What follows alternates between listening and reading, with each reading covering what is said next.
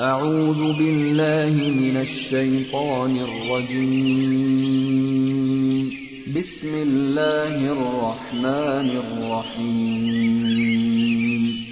وإذ قال موسى لفتاه لا أبرح حتى أبلغ مجمع البحرين أو أمضي حقبا. فلما بلغا مجمع بينهما نسيا حوتهما فاتخذ سبيله في البحر سربا. فلما جاوزا قال لفتاه آتنا غداءنا لقد لقينا من سفرنا هذا نصبا قال أرأيت إذ أوينا إلى الصخرة فإني نسيت الحوت فإني نسيت الحوت وما أنسانيه إلا الشيطان أن أذكره واتخذ سبيله في البحر عجبا قال ذلك ما كنا نبغي فارتدا على آثارهما قصصا فوجدا عبدا من عبادنا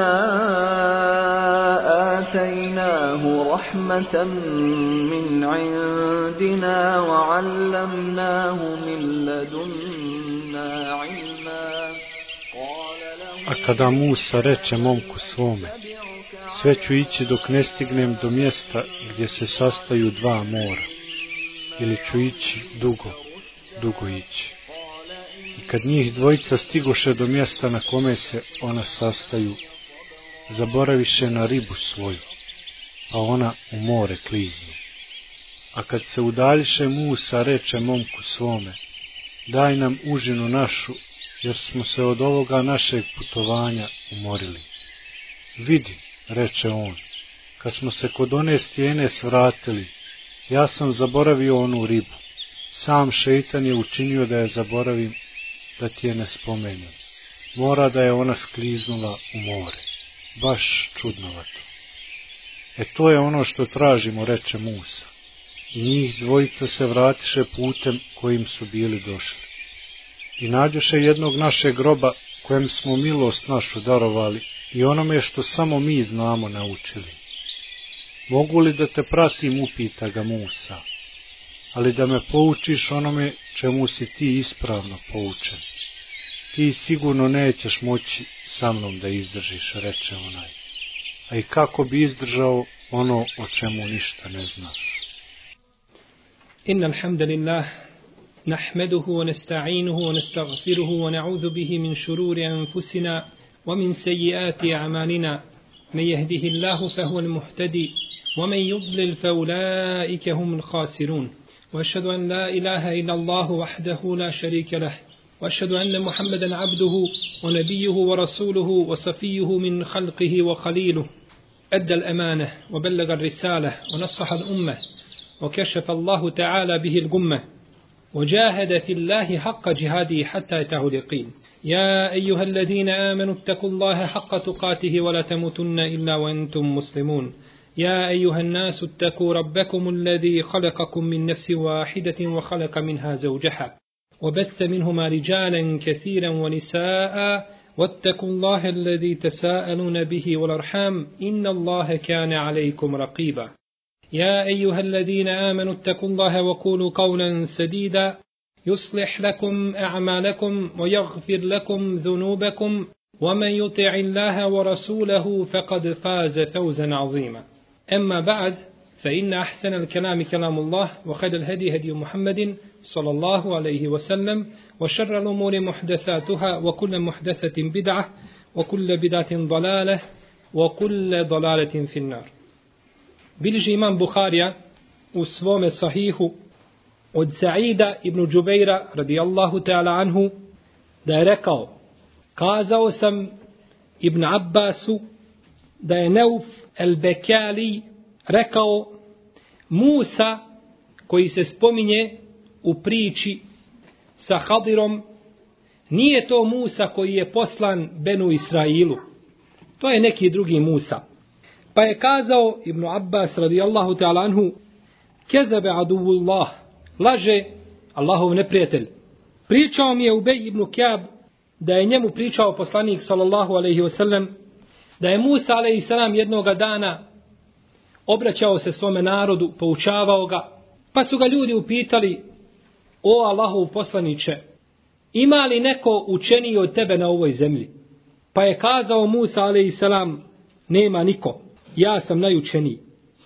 Pa je uzvišeni Allah te barake o teala htio da pouči Musa a.s. i da ga ukori u isto vrijeme zbog toga što nije vratio znanje Allahu Đelešanu. Zbog toga što nije rekao Allah zna. Ili zbog toga što nije rekao Allah je najučeniji i Allah je taj koji sve zna. Pa je rekao uzvišeni Allah te barake o teala Musa ima jedan moj dobri rob na mjestu gdje se spajaju dva mora. Huwa a'lamu minni. On je učeniji od tebe. Ima mjesto gdje se spajaju dva mora i tu se nalazi taj moj rob. On je učeniji od tebe, o Musa. Pa je Musa, ali i salam, istoga momenta kazao Ej, robbi, okejte li bihi, gospodaru moj, kako mogu doći do njega? Čuo je da ima neko učeniji od njega, iako je on Allahov rob, i Allahov vjerovjesnik, i Allahov poslanik, kaže gospodaru moj kako se može doći do njega. Pa mu je rekao uzvišeni Allah te barak je otala ili objavio mu, uzmi kaže jednu ribu, pa je stavi u mješinu svoju koju nosiš i kaže idi. Pa kaže kada izgubiš tu ribu, kaže on je tu na tome mjestu, tu ćeš ga naći. Pa je Musa a.s. krenuo i sa njim je bio njegov dječak Juša ibn Nun. Pa su izišli zajedno i hodali, tražili, pa kada su se umorili, kazao je Musa a.s. Atina gadaena laqad laqina min safarina hadha nasaba. Kaže, daj nam, kaže, taj naš ručak više, umorili smo se od ovoga našega puta. Ovaj nas put izmori. Pa je ovaj dječak, Juša, kazao, subhanallah, kaže, ja sam zaboravio da te napomenem da je riba isklizla iz mješine u more. Na tome mjestu kad smo stali, kada smo odmarali, riba je iskočila, kaže se da je, u nekim predajama da je naređeno da se uzme riba, velika riba, kaže se hut, hut u arapskom jeziku obuhvata i ribe i kitove i sve obuhvata, znači što je u moru, od riba. Kaže se jednim imenom hut, kaže se jeli za ribe. Pa kaže se da su jeli od te ribe, pa je Allah ženo vratio dušu u tu ribu, pa je ona iskočila. A u drugim se predajama kaže uzmi prženu ribu. Pa je Allah ženo vratio dušu u ribu, pa je ona isklizla. Pa mu kaže, ja sam zaboravio da ti kažem da je ona isklizla, a nije me, nije učinio da zaborim, nego šeitan je to tako uradio. Pa je rekao Musa, a.s. to je, kaže, ono što smo tražili. Fertedda ala atharihima kasasa. Pa se oni vratiše po svojim stopama kuda su došli. Da se vrate, znači, na isto mjesto. Kada su se vratili na to mjesto, došli su i ugledali jednog čovjeka kome je Musa ali selam nazvao selam. Pa je odgovorio i kazao, zar još uvijek na zemlji ima selama? Pa je Musa ali selam rekao, ja sam Musa. Kaže, ti si Musa benu Israila? Kaže, jeste. Šta kaže? Jeste. Šta je rekao ovaj na početku židov? Da nije Musa ali selam taj. Pa je rekao, zato je Ibn Abbas rekao, laže Allahov neprijatelj. Jer ga je Hadir upitao Jesi li ti Musa benu Israila, koji si poslan Izraeličanima? Kaže, jesam. Pa zato Ibn Abbas utjera ulaž ovoga židova. Kaže, jesam. Ja sam, kaže, došao da me poučiš onome čemu te Allah Želešanu poučio. Pa mu kaže, Hadir, alaihissalam, ja Musa, inni ala ilmin min ilmi Allahi allamenihi Allahu la ta'lemuh. Wa ente ala ilmin min ilmi Allahi allamekehu Allah la a'lamu. O Musa, ti kaže imaš nešto od Allahovog znanja ili kaže ja imam nešto od Allahovog znanja koje me je poučio koga ti ne imaš. A ti imaš znanje kome te Allah Žršanu poučio koje ja ne znam. Pa mu je rekao Musa alaih salam hoćeš li mi dozvoliti da te slijedim? Pa je rekao inne keren te statija me aje sabra O kejfe tasbir ala ma lem tuhit bihi. Kaže ti se nećeš moći strpiti sa mnom. Kaže Hadir a.s. Musau ti se nećeš moći strpiti sa mnom. A kako se možeš strpiti na onome o čemu ti nisu vijesti došle i o čemu ništa ne znaš. Pa je učio dalje sve do riječi Imra u suri Al-Kahf. Pa su krenuli njih dvojica dalje skupa, ne spominje se Juša šta je bilo sa njim. Pa su krenuli dok nisu došli do jedne lađe. Kada su došli do te lađe, upitali su da li mogu da se povezu sa njima. Kada su vidjeli Hadira, poznali su ga, pa nisu im htjeli naplatiti, jeli, za prijevoz. Pa kada su ušli u lađu, došao je jedan vrabac i sa lađe, sa palube ili sa lađe, na koji način Allah zna, uzeo malo vode iz mora, napio se malo vode. Pa je rekao Hadir a.s. Musa'u a.s. o Musa, vidiš li, kaže ovoga vrabca i koliko je uzeo iz ovoga mora od vode? Kaže, vidim. Kaže, tako mi Allaha, kaže, moje i tvoje znanje neće umanjiti Allahovo znanje ni koliko je uzeo ovaj vrabac od vode odmah Hadir a.s. vraća sve znanje Allahu te barake, te barake o teala. Pa je uzeo Hadir nakon toga i oštetio tu lađu. Pa mu kaže Musa a.s. Zar si kaže oštetio tu lađu, a ljudi te džaba besplatno te voze i ti mlađu nakon toga oštetio? Pa mu kaže Hadir a.s. Elem ekul inne kelente sfatije ma'ije sabra. Kaže, zar ti ja ne roko da se ti nećeš moći sa mnom strpiti? Kaže Musa a.s. Nemoj me koriti zbog ovoga što sam učinio, zbog moga prigovora.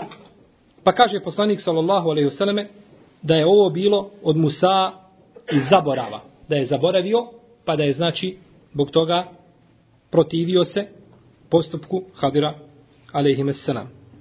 Pa su nastavili dalje ići, pa su došli do jedne skupine gdje su se djeca igrala, pa je uzeo Hadir alejhi i izdvojio jednog najljepšeg dječaka između njih izdvojio ga i potom ga ubio. Kaže Sufjanu predaj pokazivajući ovako svojim prstima preko vrata.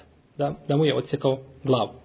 Kada je to Musa alaih salam vidio, nije se mogao strpiti pa mu kaže, zar se kaže ubio, kaže dijete koje nikakvo zlo nije počinilo. Kaže mu, elem ekul leke inne kerente stotije ma'ije sobra. Kaže, zar nisam rekao tebi, Prvi put kaže, zar nisam rekao da se nećeš moći strpiti? A sada mu kaže, zar nisam rekao tebi da se nećeš moći strpiti? Pa je došla ovdje e, jedna riječ ili dodatak leke. Tebi sam kazao. Sad ga kori. Prvi put mu je oprostio. Prvi put je prošlo. No, međutim, sada kaže, zar tebi nisam rekao da se nećeš moći strpiti? Pa mu kaže, Musa alaih salam, ako te nakon ovoga nešto upitam, završili smo ti i ja. Pa su došli u jedno mjesto, pa su našli jedan zid koji se bio iskrivio, pa ga trebalo popraviti. Pa ga je popravio Hadir, a ovi ih ljudi uprkos tome nisu htjeli ugostiti. Pa je Musa alaih salam kazao, subhanallah, kaže da si ti mogu se uzeti nagradu za to što se uradio, jer oni nisu tebe ugostili, a obaveza im je da te ugoste. Pa kaže, ovo je, kaže, hada firaku bejni obejnik. Ovdje se ja i ti rastajemo. Kaže poslanik sallallahu alaihi wasallame, Allah se smilovao Musa'u alaihissalam. Da se je još malo strpio da nam kaže Allah Đelešanu priča, kaže te lijepe događaje od njega i od Hadra. Da se je samo malo strpio da nam Allah Đelešanu priča šta se je to dešavalo od čuda i postupaka koje je činio Hadir alaihissalam. Ovo bi bio hadis ne u cijelosti, nešto skraćen, skraćenoj verziji preveden, znači u kome je poslanik sallallahu alaihi sallam potvrdio da je Musa a.s. bio znači sa Hadirom i da su se vidjeli i da su se skupa družili i da je Musa a.s. poučavao se znanju od Hadira. I time je znači poslanik s.a.v. negirao riječi židova koji su govorili da Musa a.s koji je bio sa Hadirom nije Musa koji je poslan Benu Israilu. Priča Musa ale i Hadira nosi u sebi brojne pouke iz kojih musliman može uzeti ibrete koji su mu neophodni. Pa mi ćemo uz Allahu te barake o tala pomoć u nekoliko narednih predavanja, u najmanje tri, a možda i više predavanja, govoriti o ovoj priči. O priči Musa a.s. i Hadira i sve ono što se veže, ponekad ćemo izići malo od te teme, ali bit će sve jednim ili drugim putem, znači vezano za ovu priču i ono što se spominje u ovoj priči. Uzvišen je Allah te barak je otala u Kur'anu kada govori i spominje nama priče i kazivanja priješnjih naroda i poslanika, time ima prvenstveno za cilj da ljudi uzmu pouku s jedne strane i da se ugledaju sa druge strane. Jer duša čovjeka, draga moja braćo i cijenjene sestre, traži da se ugleda u nekoga. Ne voli duša da bude sama Kako ne voli da bude izolovana, tako da ne voli, ne voli ni da bude sama u nečemu. Nego voli da ima neko uz nju, da je pored nje, da je sa njom, pa onda biva čovjeku lakše. Pogledajte kako je kazala ona žena koja se zvala El Hansa, kad je brat njen ubijen bitci, kaže وَلَوْلَا كَثْرَةَ الْبَاكِينَ حَوْلِي عَلَى إِخْوَانِهِمْ لَقَتَلْتُ نَفْسِي وَمَا يَبْكُونَ مِثْلَ أَخِي وَلَكِنْ وَعَزِّ النَّفْسَ عَنْهُ بِالتَّأَسِي Da kaže nije oko mene puno onih koji plaču za svojom braćom, a kaže gdje su njihova braća od moga brata. Hoće kazati, moj brat je ipak nešto posebno. Da nije toliko ljudi oko mene koji plaču za svojim bratom, ja bi sebe ubila. A gdje su njihova braća od moga brata? No međutim, kaže, ja svojoj duši tako olakšavam što se u njih ugledam. Pa znači duši je potrebno da se ugleda u nekoga ko je pogođen istom stvari. I zato kada čovjek vidi nekoga da je pogođen istim musibetom, kao što je on pogođen, biva njemu lakše i biva njegovoj duši lakše. I na to je uzvišeni Allah te barak je od tala ukazao riječima وَلَنْ يَنْفَعَكُمُ الْيَوْمَ إِذْ ظَلَنْتُمْ أَنَّكُمْ فِي الْعَذَابِ مُشْتَرِكُونَ I neće vam ništa koristiti, kaže Allah te barak je od tala stanovnicima džehennema, i neće vam ništa koristiti to što ste vi danas zajednički u vatri džehennemskoj. Ljudi su navikli na Dunjaluku kada budu zajedno negdje pa ih pogodi jedan musibet da im je lakše. Kada je skupina. No međutim ovdje Allah Žešanu negira to njihovo svatanje i to njihovo razmišljanje i to njihovo ubjeđenje pa kaže neće vam koristiti ni malo to što ste zajednički u vatri. Budući da ste na Dunjaluku tako postupali, to vam kaže na ahiretu ti kriteriji ne vrijede. Pa da čovjek na ahiretu vidi cijeli dunjaluk i stva Allahova te barek tala stvorenja u džehennemu, to neće ništa oblažiti njegovu patnju. Dok bi to oblažilo na dunjaluku, da čovjek izgubi dijete pa vidi i drugi ljudi, desetericu ili više da su izgubili svoju djecu u istoj nesreći, u potresu i slišao tome, biva mu puno lakše. No međutim, to na sudnjem danu ne vrijedi i takvi kriteriji tamo ne mogu, znači proći, nego Allah te barek tala to negira, pa kaže, neće vam koristiti nimalo to što ste zajednički u vatri džehennemskoj.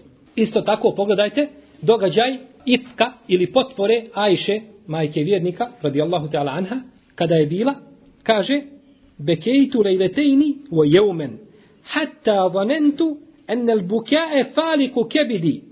Kaže, ja sam klakala dvije noći i cijeli dan. Smatrala sam, kaže, da će me plač rastrgati svu. Da će me potrgati. فاستأذنت علي امرأة من الأنصار فأذنت لها فجلست تبكي معي Pa je došla jedna ensarika i tražila dozvolu da uđe kod mene. Kaže, pa sam joj dozvolila, kaže, pa je sjela i plakala sa mnom. Pa je Ajši bilo šta? Lakše. Kad još neko plače sa njom. Pa je Ajši, radijallahu ta'ala, je lakše. Pa je vidjela, znači, još nekoga ko, ko se suosjeća sa njom, pa je, znači, tako olakšala svojoj duši. I znači, to je to druženje ili to je to ugledanje kada čovjek znači kada olakšava sam sebi. Zato uzvišeni Allah te barake od tala ispominje priče u Kur'anu. I jeste poslaniku sallallahu sallam na početku njegove poslaničke misije pričao brojne priče i kazivanja priješnjih poslanika kao da mu se hoće kazati o Muhammede sallallahu alaihi wasallam ti prolaziš kroz nedaće i nevolje no međutim pogledaj svoju braću poslanike i vjerovjesnike koji su bili prije tebe pa se ugledaj na njih. Pa je poslanik sallallahu sallam pričao o sahabima brojne priče naroda koji su bili prije nas, priču vraćara, svećenika, u kojima je iskušenje u vjeri. I brojne druge priče iz kojih su oni znači uzimali pouke. Kaže Ebu Zer radijallahu anhu, nismo, kaže, mogli od mušrika nikuda pomaknuti. Ni lijevo, ni desno. Ko u okovima? Kaže, pa smo došli poslaniku sallallahu alaihi wasallam i kazali mu, o Allahu poslaniče, zar nećeš od Allaha, dželle še'nuhu, tražiti da nas pomogne? Pa je kazao, poslanik sallallahu alejhi ve selleme nakon što se odmaknuo od njih i pocrvenio i razljutio se kaže tako mi onoga u čijoj ruci je moja duša. Bilo je, kaže, ljudi prije vas kojima su stavljali testeru na njihovu glavu i kaže prepolili bi i kaže tako da se da padne kaže na dvije strane, u dvije polovine, ali kaže toga ne bi vraćalo sa njegove vjere. Pa je poslanik sallallahu alejhi ve da bi njima olakšao ashabima muke i stanje i halu kome se nalaze, kaže dešavalo se prije vas ljudima ono što se ne dešava gore stvari. Pa im je onda bilo lakše. Pa zato kada čovjek zna da je iskušenje Allahov te barak je tala sunnet na zemlji, lakše će podnijeti iskušenja kroz koja prolazi. Pa koliko je uleme po zatvorima, koji su bolji od nas, koji su možda odabrani Allahovi dželšanu robovi na zemlji, a nisu godinama vidjeli sunčeve zrake. Koliko je takvih koji istruhnu i osuđeni po nekoliko doživotnih robija. Tri, četiri doživotne robije, da njegove kosti moraju robijati. Ne samo on da tijelo robija, nego kosti da robijaju kao pouka živima. Da čuvaju svoje kosti. Pa kada čovjek zna da su oni prolazili kroz takva iskušenja, onda sigurno bivamo lakše i može se strpiti na jezijetima i nedaćama koje ga snalaze. Bilježe Buhari i Muslim u svojim vjerodostojnim hadijskim zbirkama od Ibnu Mesauda, radijallahu ta'ala anhu, da je kazao, kada je bio dan Huneyna, poslanik sallallahu alaihi sallam je podijelio plijen ljudima. Pa je dao jednim ljudima više nego drugima.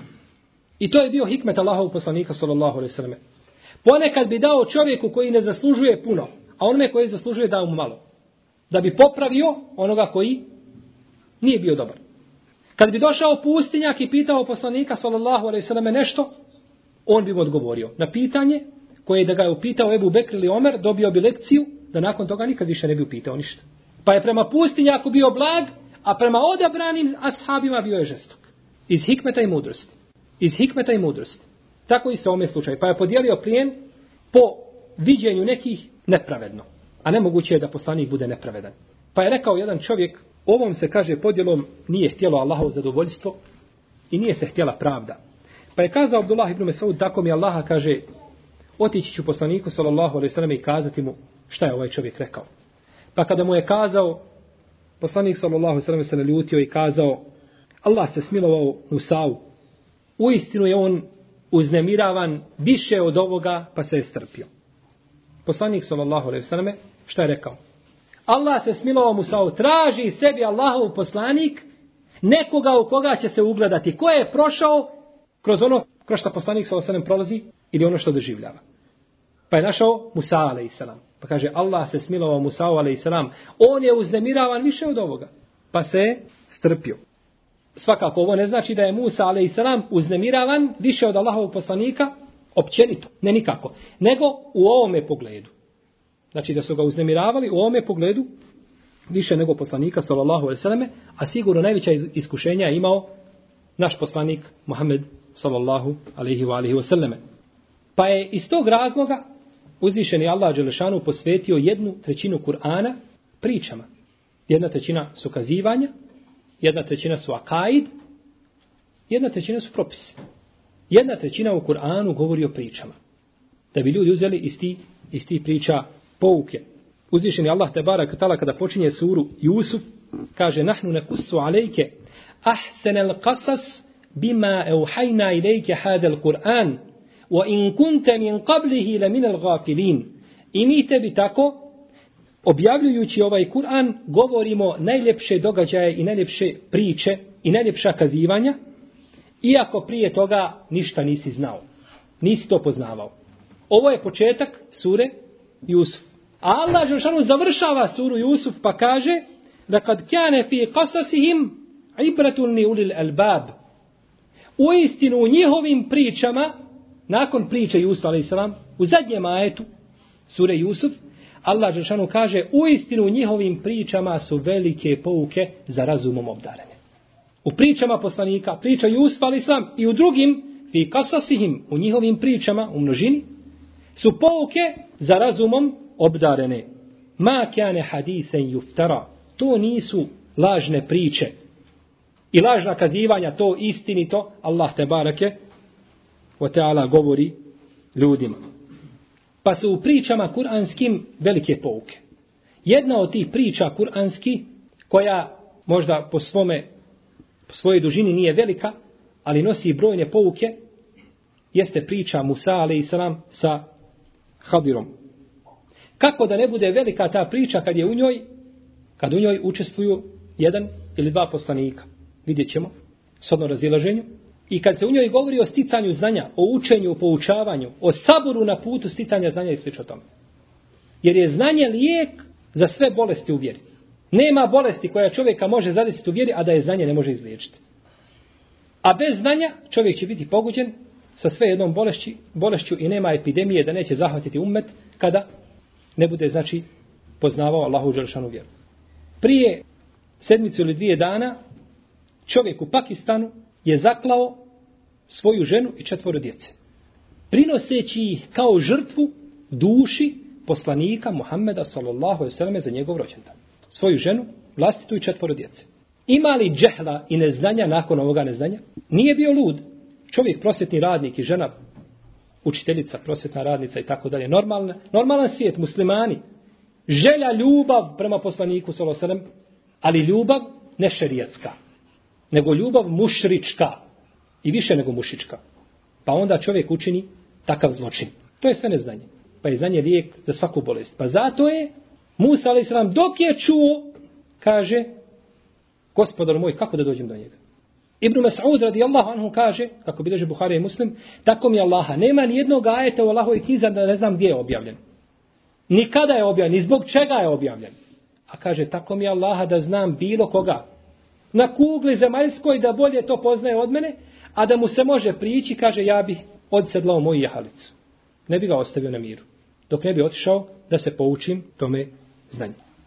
U priči Musa a.s. i Hadira kaže se El Hadir ili El Hibr. Neki kažu El Hibr, a neki kažu El Hadir. Ali El Hadir ispravnije. El Hadir. Postavlja se prvo pitanje, ovaj čovjek, El Hadir, je li on poslanik? Ili on dobri čovjek? I dobri Allahov rob? Tu se islamski učenjaci razilaze. Možda će neko kazati, a da li se za to vežu šerijatski propisi? Kazali mi da je on poslanik ili da nije poslanik, ima li to veze sa šerijatskim propisima? Kažemo ima. Ima veze sa šerijatskim propisima. Spomnije Ibnul Hajar el Askalani u svome dijelu Elisabe u drugom tomu. Od Ibnul Munadija da je rekao smatranjem da je Hadir poslanik odveziva se, kaže, prvi čvor dalaleta za koga su se uhvatili za nadeka. Oni koji su napustili svoju vjeru ili koji su se okrenuli od islama.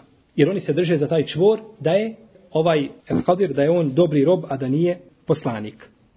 Jer ima jedna skupina od zalutali koji kažu, jedan od njih kaže, kako spominje Ibn Hajaru u spomenutom dijelu, kaže Mekamu nubuvati fi berzahin fuvojkar rasuli vodunel voli.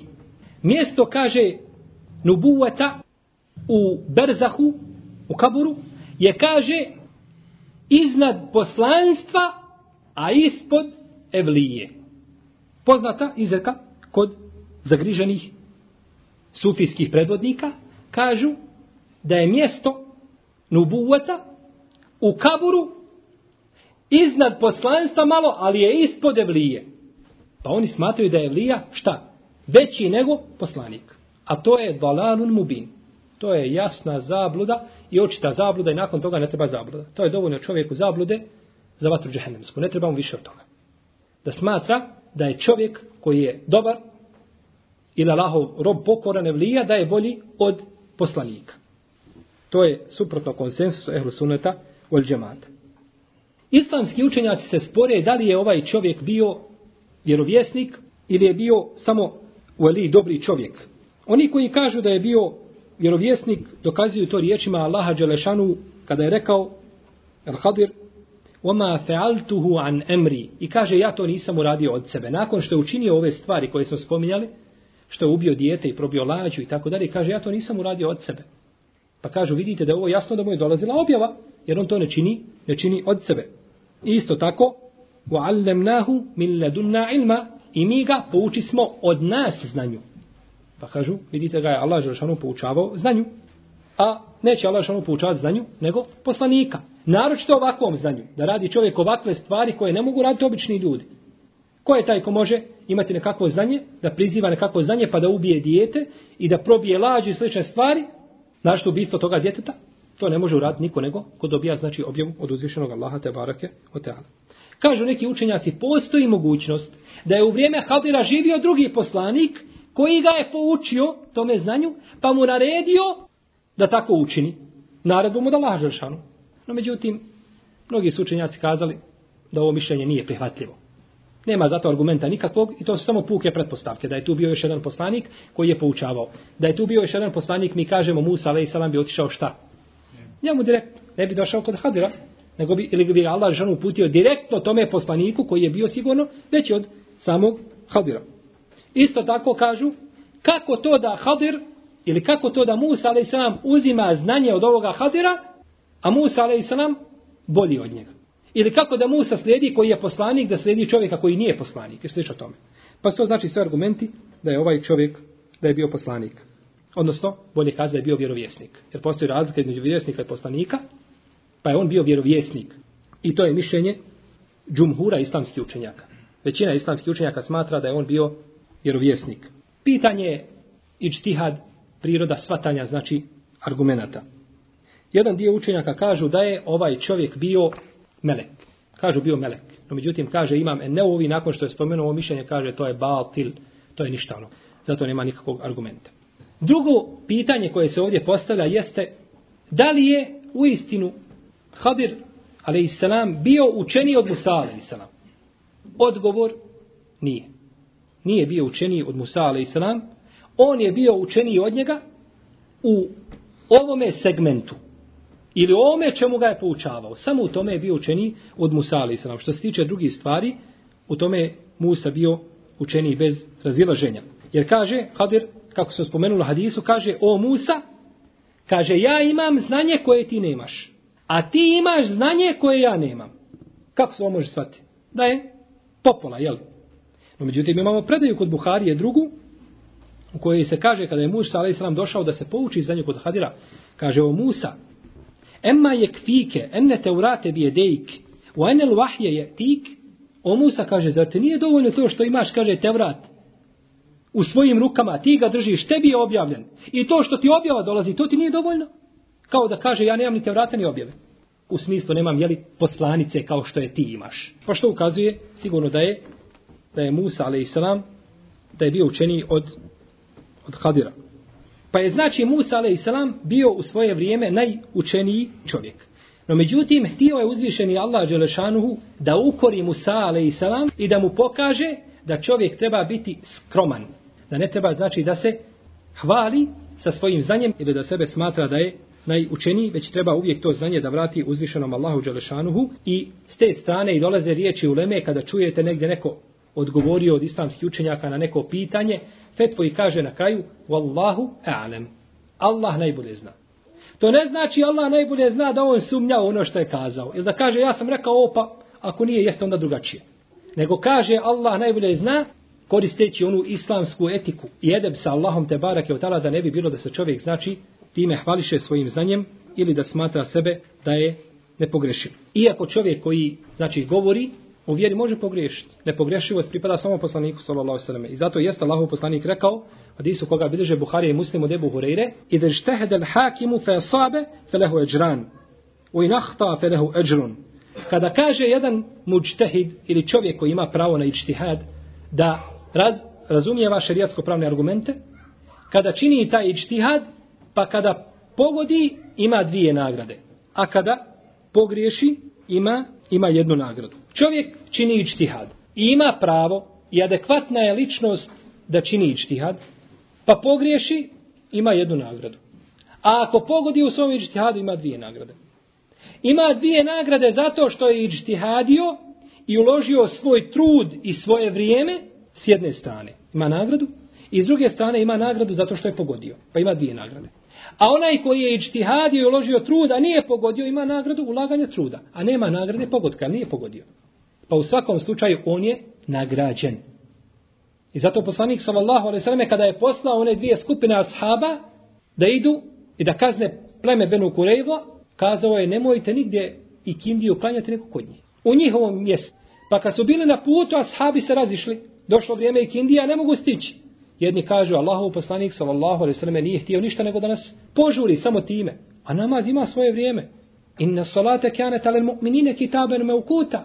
Namaz je vjernicima određena vremena propisan. Nema pravo niko da pomjera namaz mimo njegovog vremena. Može se Kindija pomjeriti u podnesko vrijeme. Ili podnesko i kindijsko. A ne može i kindijsko u akšemsko. Po konsensusu leme. Kažu, moramo ga klanjati pravom vremenu. Drugi kažu, Bože, sačuvaj. Pa Allahov poslanik je najučeniji, on najbolje poznaje Allahove granice. On nam je rekao da ne smijemo klanjati nego tamo. Ne zanima nas, klanjali ga poslije akšama. Poslije, klanjali kindiju, poslije akšama, poslije jacije. Na sabah, nema nego i kindija se tamo klanja. Ali Allahov poslanik rekao tamo da se klanja.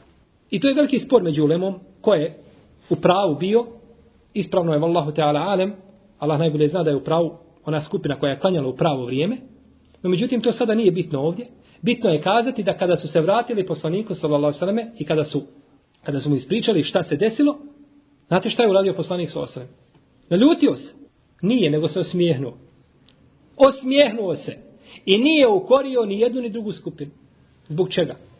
Zato što jedna i druga je skupina razumijevala te argumente i imala pravo da ih razumije. I mogli su se razumijeti jedni i drugi argumenti na ovakav način i ovakav način. Pa nije ukorio ni jednu ni drugu skupinu. Allah Đelšanu oprostio jednoj i drugoj skupini. Jednu nagradio sa dvije nagrade bez obzira koja ona bila, a drugu nagradio sa jednom nagradom bez obzira koja ona bila. Pa kako ćeš koriti čovjeka koji ima jednu nagradu? Čovjek htio dobro, pa pogriješio. Htio dobro, pa pogriješio. I ti ga koriš. Pa Allah mu oprostio i Allah ga nagradio po nijetu, nije po dijelu, braćo. Jer Allah Đelšanu da nas nagrađuje po dijelu, Allah zna šta bilo naši dijela. Zato je Allahom milost da nagrađuje po nijetu. To je blagodat i milost Allaha prema nam.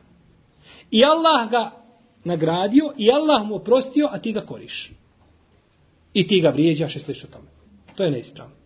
Pa nije poslanik sa osvrame ovdje znači ukorio ni jednu od dvije skupine zbog ičtihada.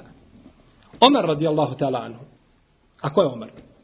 Dolazi mu čovjek i kaže mu, vladaru pravovjerni, ima li, kaže, kod vas iskupine za prst? Prst jedan. Ko ti otkine prst? Kakva je iskupina u šarijatu? Omer pito lijevo desno, nije našo nikod koga odgovora. Kaže nema ništa, nego kaže kod mene, kaže iskupina shodno prstu i njegovoj ulozi. Pa prsti imaju različite uloge i jedan se prst koristi više od drugoga, više koristi nego drugi. Pa je ovaj prst najkorisnik u čovjeka. Palac. Najveću ulogu ima. I time se čovjek razlikuje od drugih životinja. Tvorenja, hoće kada tijelo životinja se razlikuje. Može uzeti ovako kaže se da je čovjek hajvanun natiq, da je čovjek hajvan koji priča, tako se kaže u arapskom. Jer u arapskom hajvan znači sve što je živo, što ima dušu. Haj. Od toga je haj je živ. Pa je toga došlo hajvan živ je, ima dušu u sebi. Pa se čovjek razlikuje od hajvana, što ima ovaj prst, pa može sa njim obuhvatiti sve. Allahova milost, pogledajte prste, kada ih stavite ovako, kako su različite dužine. A kada ih skupite ovako, pa su svi jednaki, ista dužina. Pa se mogu staviti u šaku. Ovaj prst ima posebnu vrijednost. Pa je Omer radijallahu anhu gledao shodno vrijednosti i ulozi prsta, pa kaže ne, ovaj ima toliko, ovaj toliko, ovaj toliko. U redu. Omer radijallahu anhu, je li pravo? Je li pogodio? Allah zna. No međutim, nećemo kazati da nije. Allah zna, a vidjet ćemo da li je. Muslimani su ostali da rade po pitanju, po fetvi Omera, dugo vremena. Kaže se da su čak ostali da rade do vremena Muavije, Ibn Bisufjana, do njegovog hilafeta da su ostali da rade po fetve Omara. Ako ne bude, ovo pod uslovom, da nije ispravan rivajet koga prenosi Sufjane Seuri u svome dijelu Al-đamije, u kojoj se spominje da je Omar radijallahu anhu nakon što je ovo kazao, da mu je došla knjiga koju je napisao poslanik sallallahu sallame Amru ibn Hazmu, u kojoj je stojalo da je rekao ti vjedi hamsun, o fil riđli hamsune minel ibil. Ruci pripada 50 deva i nozi pripada 50 deva. Ako ne bude ovaj rivajet ispravan, onda ostaje da su muslimani radili po ovome do vremena Muavije. Kada je spomenuto Ibnu Abbasu ovo pitanje, Ibnu Abbasu, pa je rekao, kaže, čuo sam poslanika, sallallahu alaihi wasallam, da je rekao, ili rekao, rekao je poslanik, sallallahu alaihi wasallam, hazihi wa hazihi seva, ovaj i ovaj su isti. U drugoj predaji se kaže koju bilježi imam Nesai i Ibn Mađe i kaže Ibn Hajar u 12. tomu Fetul Barija da je ova predaja dobra. Kaže El sabija seva kullu hunne fi hinne ašru mine libil. Kaže svi prsti su isti. Za svaki prst pripada po deset deva. Svi prsti su isti, za svaki prst pripada čovjeku po deset deva. Pa je ovo znači preneseno od poslanika, sallallahu alaihi wa alaihi sallame. Omer radijallahu anhu nije čuo za ovaj propis i nije znao za ovaj hadis, pa je ičtihadio. Dobro, Omer radijallahu anhu, nagrađen ili kažnjen? Nagrađen. Jer je on pitao, on je tražio, on je svoj trud uložio i mogućnosti kojima je raspolagao, nakon toga ga uzvišeni Allah ne duži. Pa je Omer radijallahu anhu kazao ono što je znao i ono do čega je došao, mimo toga nije bio zadužen znači ni da govori. Bileži Ibnul Munzir sa vjerodostojnim lancem prenosilaca da je Šabi rekao, poznati Davin, Šabi rekao, kaže, bio sam ko Šurejha, pa mu je, kaže, došao jedan čovjek i upitao ga, kaže, o fidiji i iskupini za prst. Pa mu je rekao, za svake, kaže, prst po deset deva. A ovaj čovjek odmah putem logike kaže, subhanallah, ovaj, kaže, palac i mali isti po deset deva njih dvojica, kako to kaže? Pa mu kaže, Šurej, kaže, propao da Bog da, sunnet brani, kaže, kijas i analogiju. Ko imaš hadis, kakav kijas i analogija nakon hadisa? Spomeneš čovjeku hadis, kaže, a kaže, je logično. Je li moguće, kaže? Je li zamislivo da bi poslanik sa tako i tako? Pa čekaj, hadis kod Buhari u njegovom sahihu. Šta je logično ili šta je zamislivo? To je jasno. Desilo se i bilo. Umet se složio na ispravnost hadisa i složio se da hadis nije dokinut. I onda čovjek počne tim filozofskim putevima da dođe na kraju da porekne hadis. Pa kaže, teško ti se kaže, sunnet brani analogiju, kaže, slijedi, a nemoj novotarije uvoditi. Pa znači, kada čovjek uloži trud, gledajući Kur'an i sunnet, pa ako pogodi, imaće dvije nagrade, a ako promaši, imaće jednu nagradu. Nakon toga, Musa, ale i sam, znači, dolazi do mjesta gdje se nalazi Hadir, nije primijetio, odnosno, zaboravio je obavijestiti Juša, Musa, ale islam kada je riba iskočila, isklizla iz krbeta, pa su nastavili dalje ići. Falemma džawaza qala li fatahu atina gadaena laqad laqina min safarina hada nasaba. I kada oni pređoše ono mjesto na kome su se trebali zaustaviti, rekče Musa a.s. ome svome dječaku, daj nam, kaže, naš ručak. Mi se umorismo od ovoga našeg puta. Ovaj nas naš put izmori. Felemma džaveza. I kada oni pređoše to mjesto, mi se umorišmo. Pa kaže ovdje mu Fesiri, umorio se Musa a.s. od onoga mjesta kada je nastavio ići dalje kuda nije trebao ići. Jer to si išao onako, to je na fila. Bez potrebe, tu da nisi trebao ići. Trebao si stati na tome mjestu. E to kada si zaboravio i krenuo dalje, e zbog toga si se umorio. Kaže, sva su se umorili, pa onda ima još jedan dupli umor, a to je da se vratiš gdje? Nazad, gdje si trebao da budeš. Kada mu je to kazao, onda se je sjetio, znači Juša, da je tu isklizla riba i da su trebali tu da ostanu. Pa su se nakon toga vratili svojim stopama nazad. Nakon toga, Musa, a.s. dolazi do Hadira i počinje, znači, počinje njegovo druženje sa Hadirom, a.s u kome se nalaze brojne pouke o kojima ćemo mi, inša Allah, pričati u našim narednim predavanjima uz Allahu te barke u tala pomoć. Molit Allaha Đelešanu da nas pouči našoj vjeri, popravi naša djela i stanja naših porodica i stanja muslimana u cijelom svijetu. Allahu ta'ala alem. Wa sallallahu ala nabina Muhammed wa ala alihi wa sahabi ajma'in.